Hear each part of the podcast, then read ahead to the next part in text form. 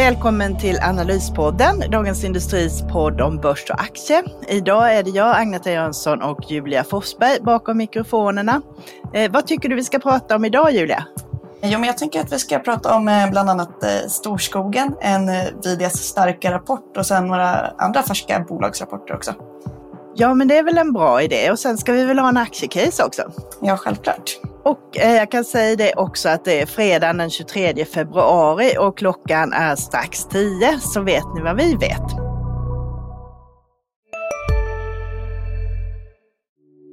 Hej, Ulf Kristersson här. På många sätt är det en mörk tid vi lever i. Men nu tar vi ett stort steg för att göra Sverige till en tryggare och säkrare plats. Sverige är nu medlem i Nato. En för alla, alla för en. Som Julia nämnde här så kom ju Nvidia med en urstark rapport här i onsdags eh, och det har ju pushat upp Nasdaq och stannade på 500 lite till här. Rapporten överträffade förväntningarna med 10% faktiskt på omsättningen som då landade på 22 miljarder dollar för fjärde kvartalet, november till januari. Och det var ju hela 265% högre än ett år tidigare. Eh, och dessutom så presenterade de en väldigt optimistisk outlook ovanpå det. De levererade också en justerad vinst per aktie på 5,16 dollar mot väntat 4,64. Så att det var lite nervöst innan man handlade ner aktierna ett par dagar innan, för den har ju gått extremt bra. Men nu guidar de ju också då för första kvartalet här 2024-25 att de ska landar omsättningen på 24 miljarder dollar plus minus 2 procent. Så att eh, det här fick ju aktien att gå vidare, så nu är den upp 275 procent och eh, senaste året var av 16 procent igår då. Vill man läsa lite mer om det här så skrev ju kollegan Magnus Dagel i veckan här en analys av Nvidia som faktiskt är det tredje största bolaget. Den stannade på 500 efter Microsoft och Apple Apple nu och man har ett börsvärde på 19 000 miljarder dollar. Det är ju jättestort, det är faktiskt större än hela Stockholmsbörsen som är på 13 000 miljarder. Och eh, man kan tänka sig med den här uppgången att aktien är dyr. Kan du gissa vad det är för P tal nu, Julia? Ja, det ligger väl någonstans runt eh, 30 kanske sådär. Ja, och det är ju faktiskt, eh, jag har varit nu ett av de faktiskt få bolag som faktiskt har lyckats ordentligt med det här att eh, växa i fatt sin värdering så att vinsten växer snabbare så P-talet faktiskt sjunker. Så att det är som Magnus skrev här, ingen orimlig värdering med tanke på den här tillväxten och marknadspositionen som de har. Sen har ju Nvidia nästan 60 000 sparare i Sverige bara genom nätmäklarna Nordnet och Avanza, så det är ju många som kan glädja sig åt den här eh, uppgången. Vi har ju liksom inga direkta svenska motsvarigheter till det här.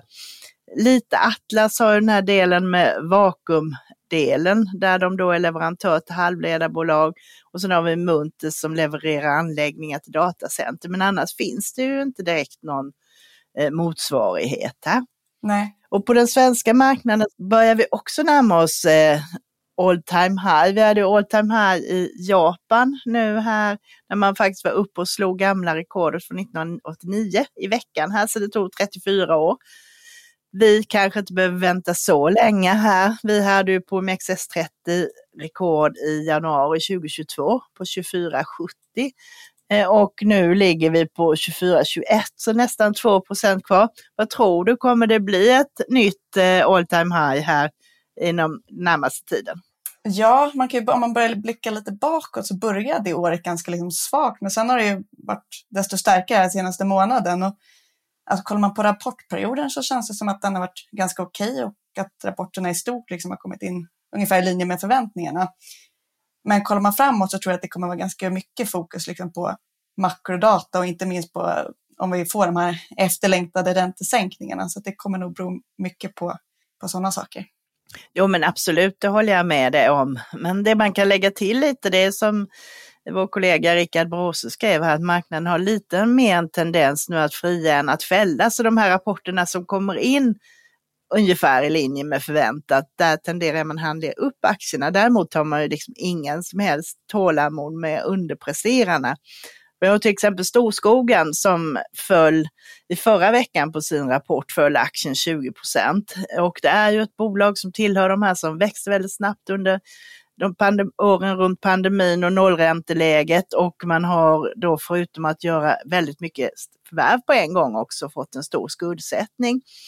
Och i helgen då så tog ju styrelsens tålamod med vd Daniel Kaplan slut och han fick ju sparken då.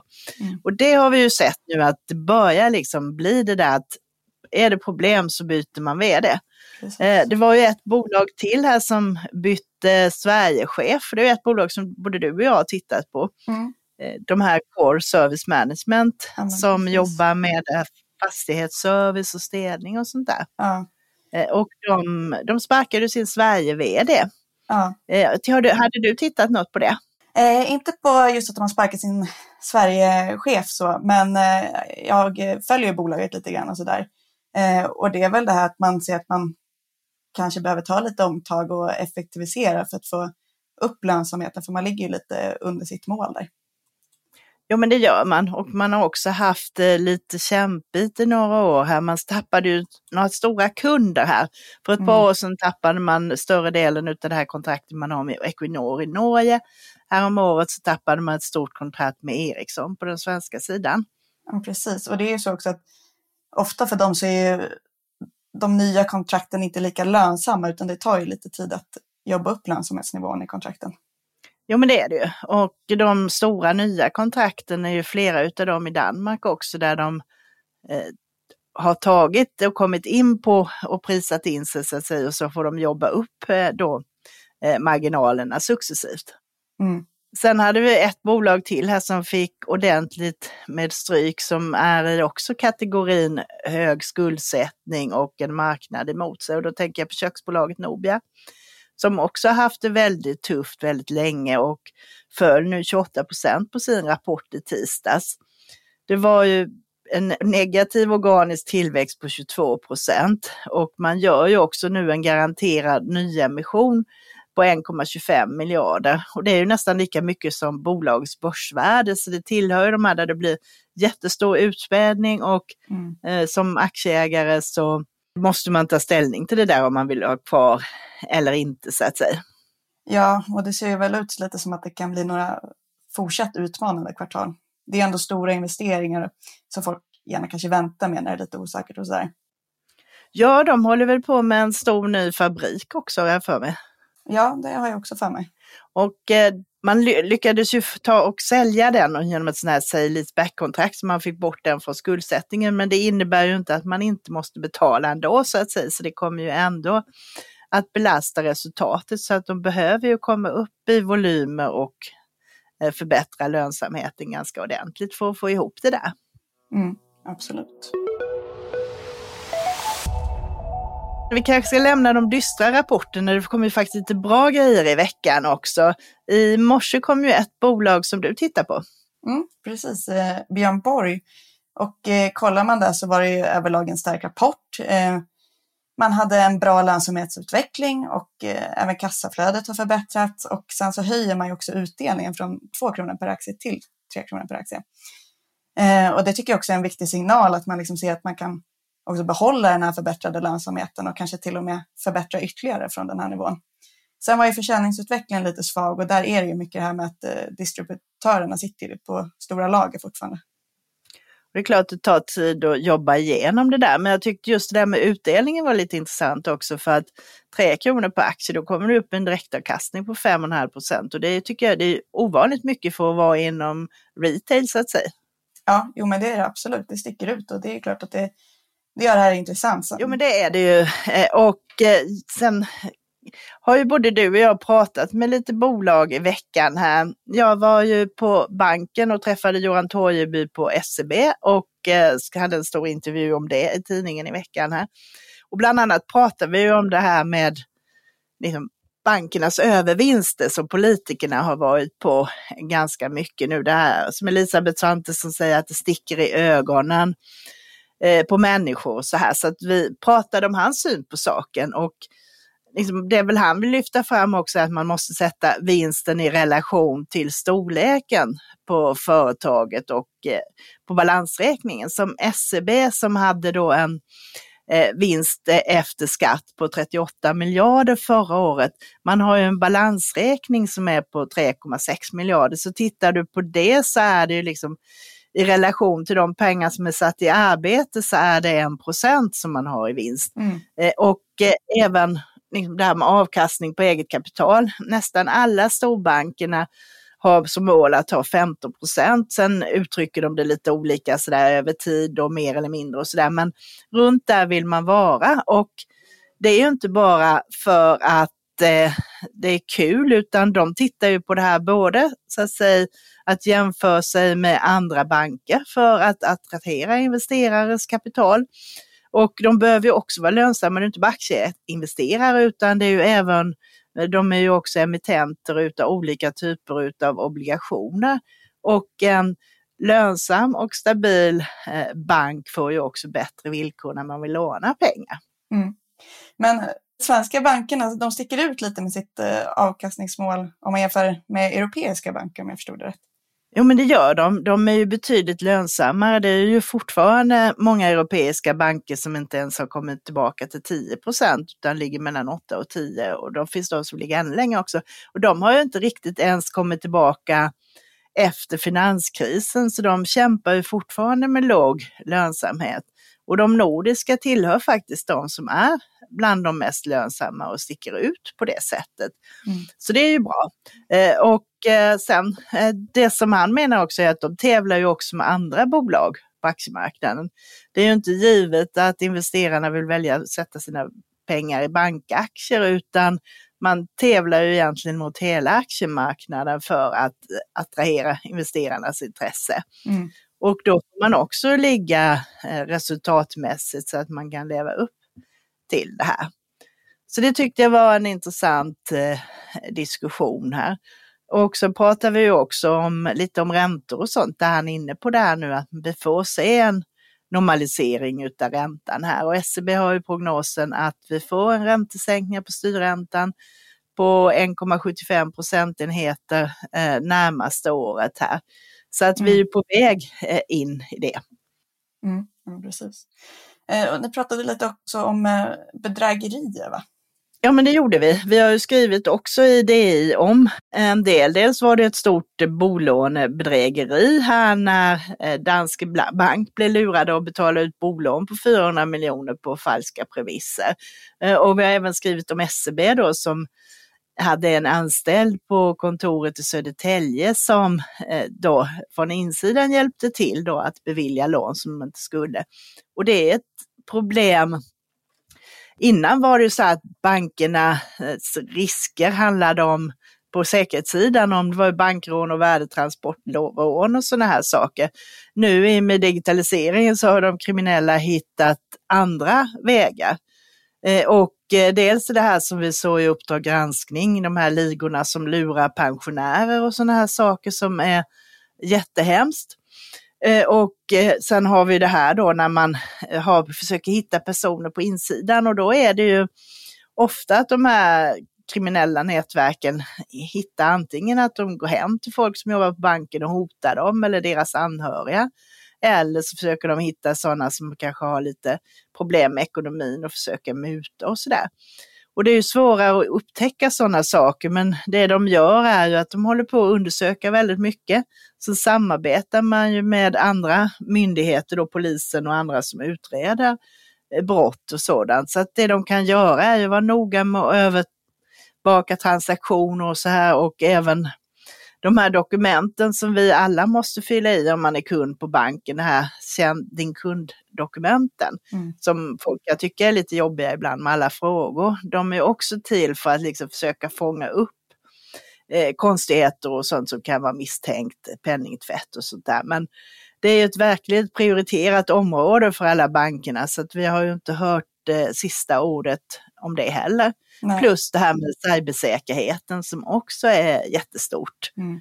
Mm. Och eh, försöka eh, skydda så att inte verksamheterna blir utslagen. För det som man sa, det är ju också sånt där vi vet i de här hybridkrigen, att man försöker slå ut sådana här eh, känslig infrastruktur som elnät och vattenförsörjning och transport och kommunikation, men även banker. Mm. Eh, så att eh, de blev drabbade i Ukraina 2017 av en sån här stor eh, virusattack som heter Nompetaja som i princip stängde ner hela eh, Ukraina i tre dagar 2017. Och SEB har ett kontor i Ukraina som också då drabbades av det, så de har varit med om det där. Men som man sa nu, sen eh, Ryssland satte igång anfallskriget så har det faktiskt eh, varit uppe och inte hänt några grejer. Så att man får väl hålla tummarna att det håller i sig. Ja, ja verkligen. Expressen gör varje vecka podden Politikrummet där vi djupdyker i det senaste och viktigaste inom svensk politik. Med mig, Filippa Rogvall, som programledare tillsammans med mina vassa kollegor. Och det är ju ni som heter Thomas Nordenskjöld, Anette Holmqvist och Viktor Bartkron. Politikrummet kommer med ett nytt avsnitt varje tisdag. Vi hörs. Vi är specialister på det vi gör, precis som du. Därför försäkrar vi på Swedea bara småföretag, som ditt. För oss är små företag alltid större än stora och vår företagsförsäkring anpassar sig helt efter firmans förutsättningar. Gå in på swedea.se företag och jämför själv.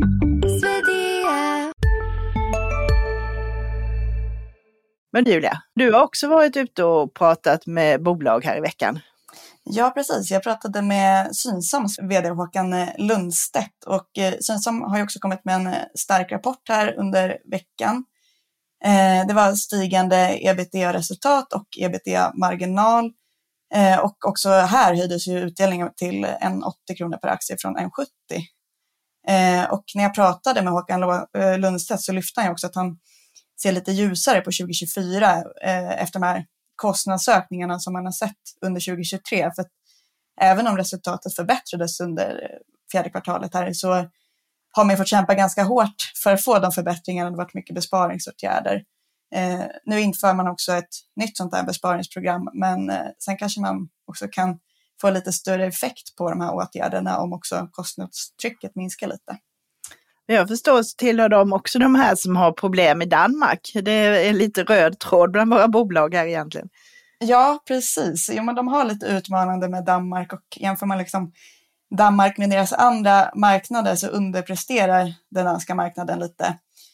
Eh, och här ska man ju göra lite åtgärder och bland annat så de satsar på att öppna ganska många nya butiker. Eh, de senaste tre åren öppnade man 85 butiker Målet för kommande tre år är 90 butiker eh, och man ser potential för ganska många nya i både liksom Sverige, Finland och Norge. I Danmark eh, så satsar man mer på att bygga om de befintliga butikerna, jobba lite effektivare med utbudet och sådär. Eh, så att eh, man, man försöker komma till rätta med den danska marknaden också.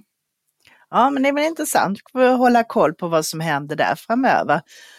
Men sen hade du ytterligare en stark rapport här bland dina bolag som rapporterade i veckan. Då tänker jag på New Wave här som också höjde sitt mål från rörelsemarginalen från 15 till 20 procent. Eh, mm. Vad är det som händer där egentligen? Ja, men om man kollar eh, först på fjärde kvartalet där så minskade omsättning och resultat men man höjde utdelningen. Eh, men en viktig sak där i rapporten var också att även om rörelsemarginalen minskar något mot året innan så lyckades man ändå hålla kvar den på en hög nivå och en nivå som var liksom klart över bolagets tidigare mål på 15 procent. Eh, och marknaden har ju tvivlat lite och det har funnits lite osäkerhet kring vart bolagets marginaler ska ta vägen och om man kan liksom hålla de här högre nivåerna. Eh, och därför var det också en väldigt viktig signal när New Wave tidigare här i veckan gick ut och meddelade att man höjer sitt långsiktiga mål för rörelsemarginalen till 20 procent från tidigare 15. Då. Eh, kollar man på liksom 2022 och 2023 så har bolaget överträffat 15 procent båda åren. Eh, och jag tycker att det här gör liksom aktien mer intressant för en långsiktig investerare. För kollar man på New Wave så tycker jag att det har funnits ett bra tillväxtcase, att man kan växa genom förvärv, men man har också många liksom starka varumärken som står bra rustade för att växa och man tar marknadsandelar och sådär. Men det har varit just det här med marginalen som jag funderat lite kring. Liksom, vilken potential ser ledningen? Eh, ser man att den kan ligga kvar på den här nivån och ser man att man kan ta det ytterligare? Och där tycker jag att det blev lite tydligare med det här. Eh, och vd Torsten Jansson, han pratar ju också bland annat om att de här lönsamhetsförbättringarna ska komma från ja, mer automatisering, men också att flera av bolagets varumärken redan har marginaler över 20 procent.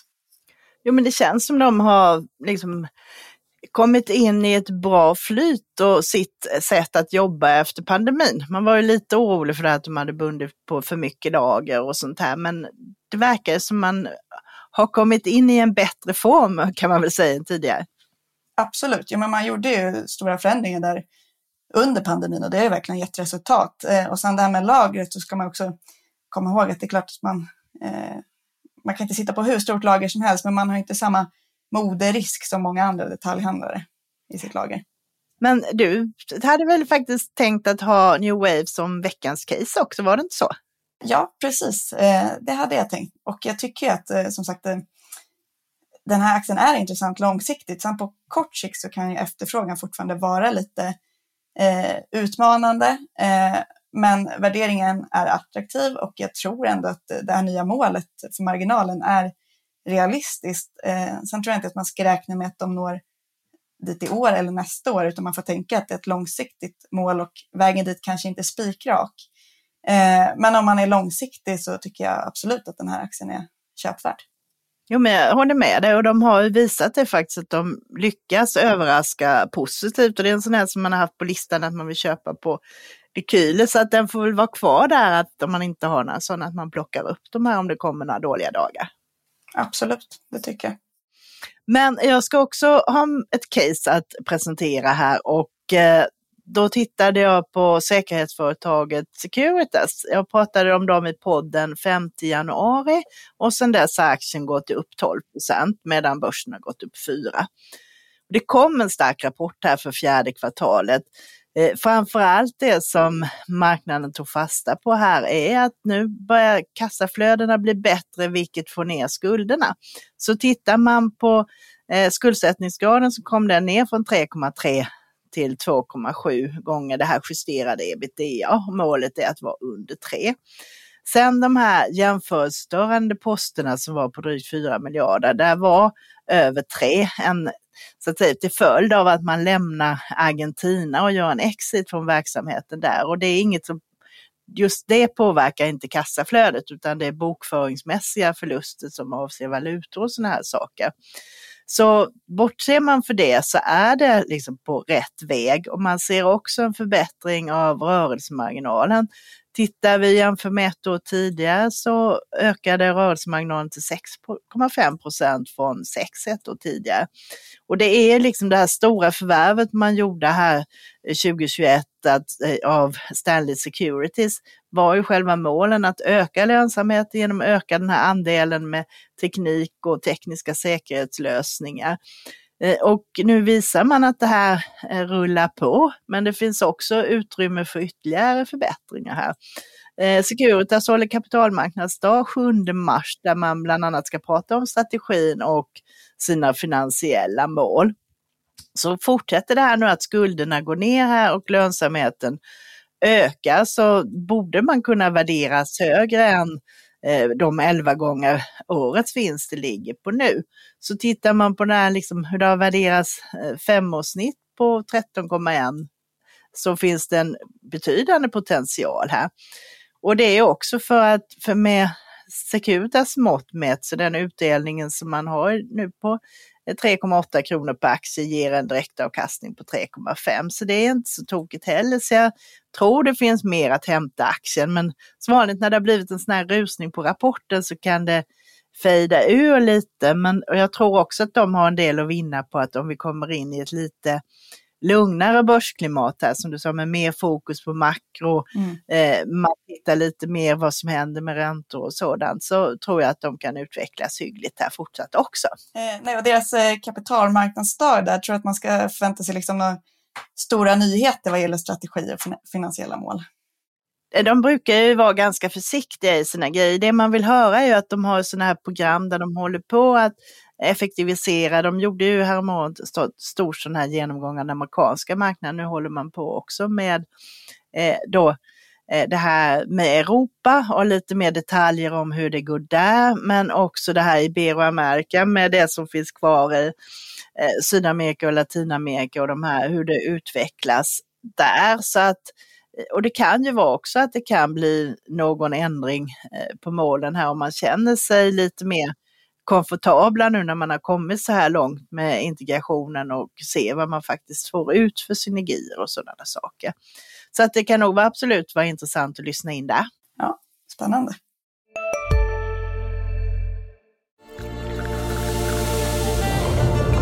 Välkommen till Maccafé på utvalda McDonalds restauranger med Baristakaffe till rimligt pris. Vad sägs om en latte eller cappuccino för bara 35 kronor? Alltid gjorda av våra utbildade baristor.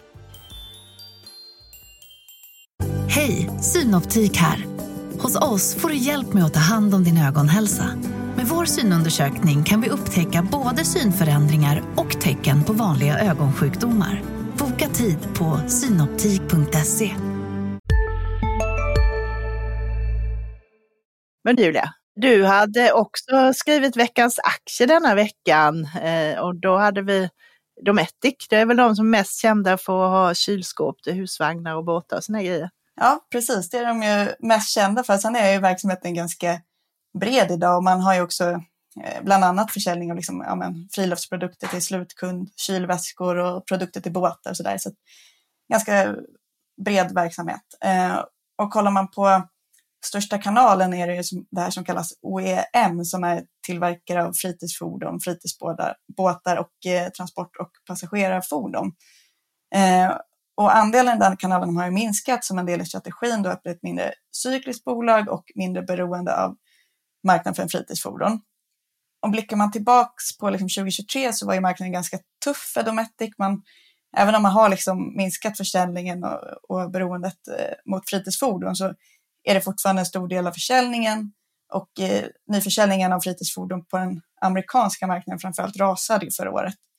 Eh, samtidigt så har kunder i kanalerna distribution och service och eftermarknad, de har också suttit på höga lager. Eh, så att man har ju velat minska de lagren innan man liksom har köpt in mer produkter från Dometic.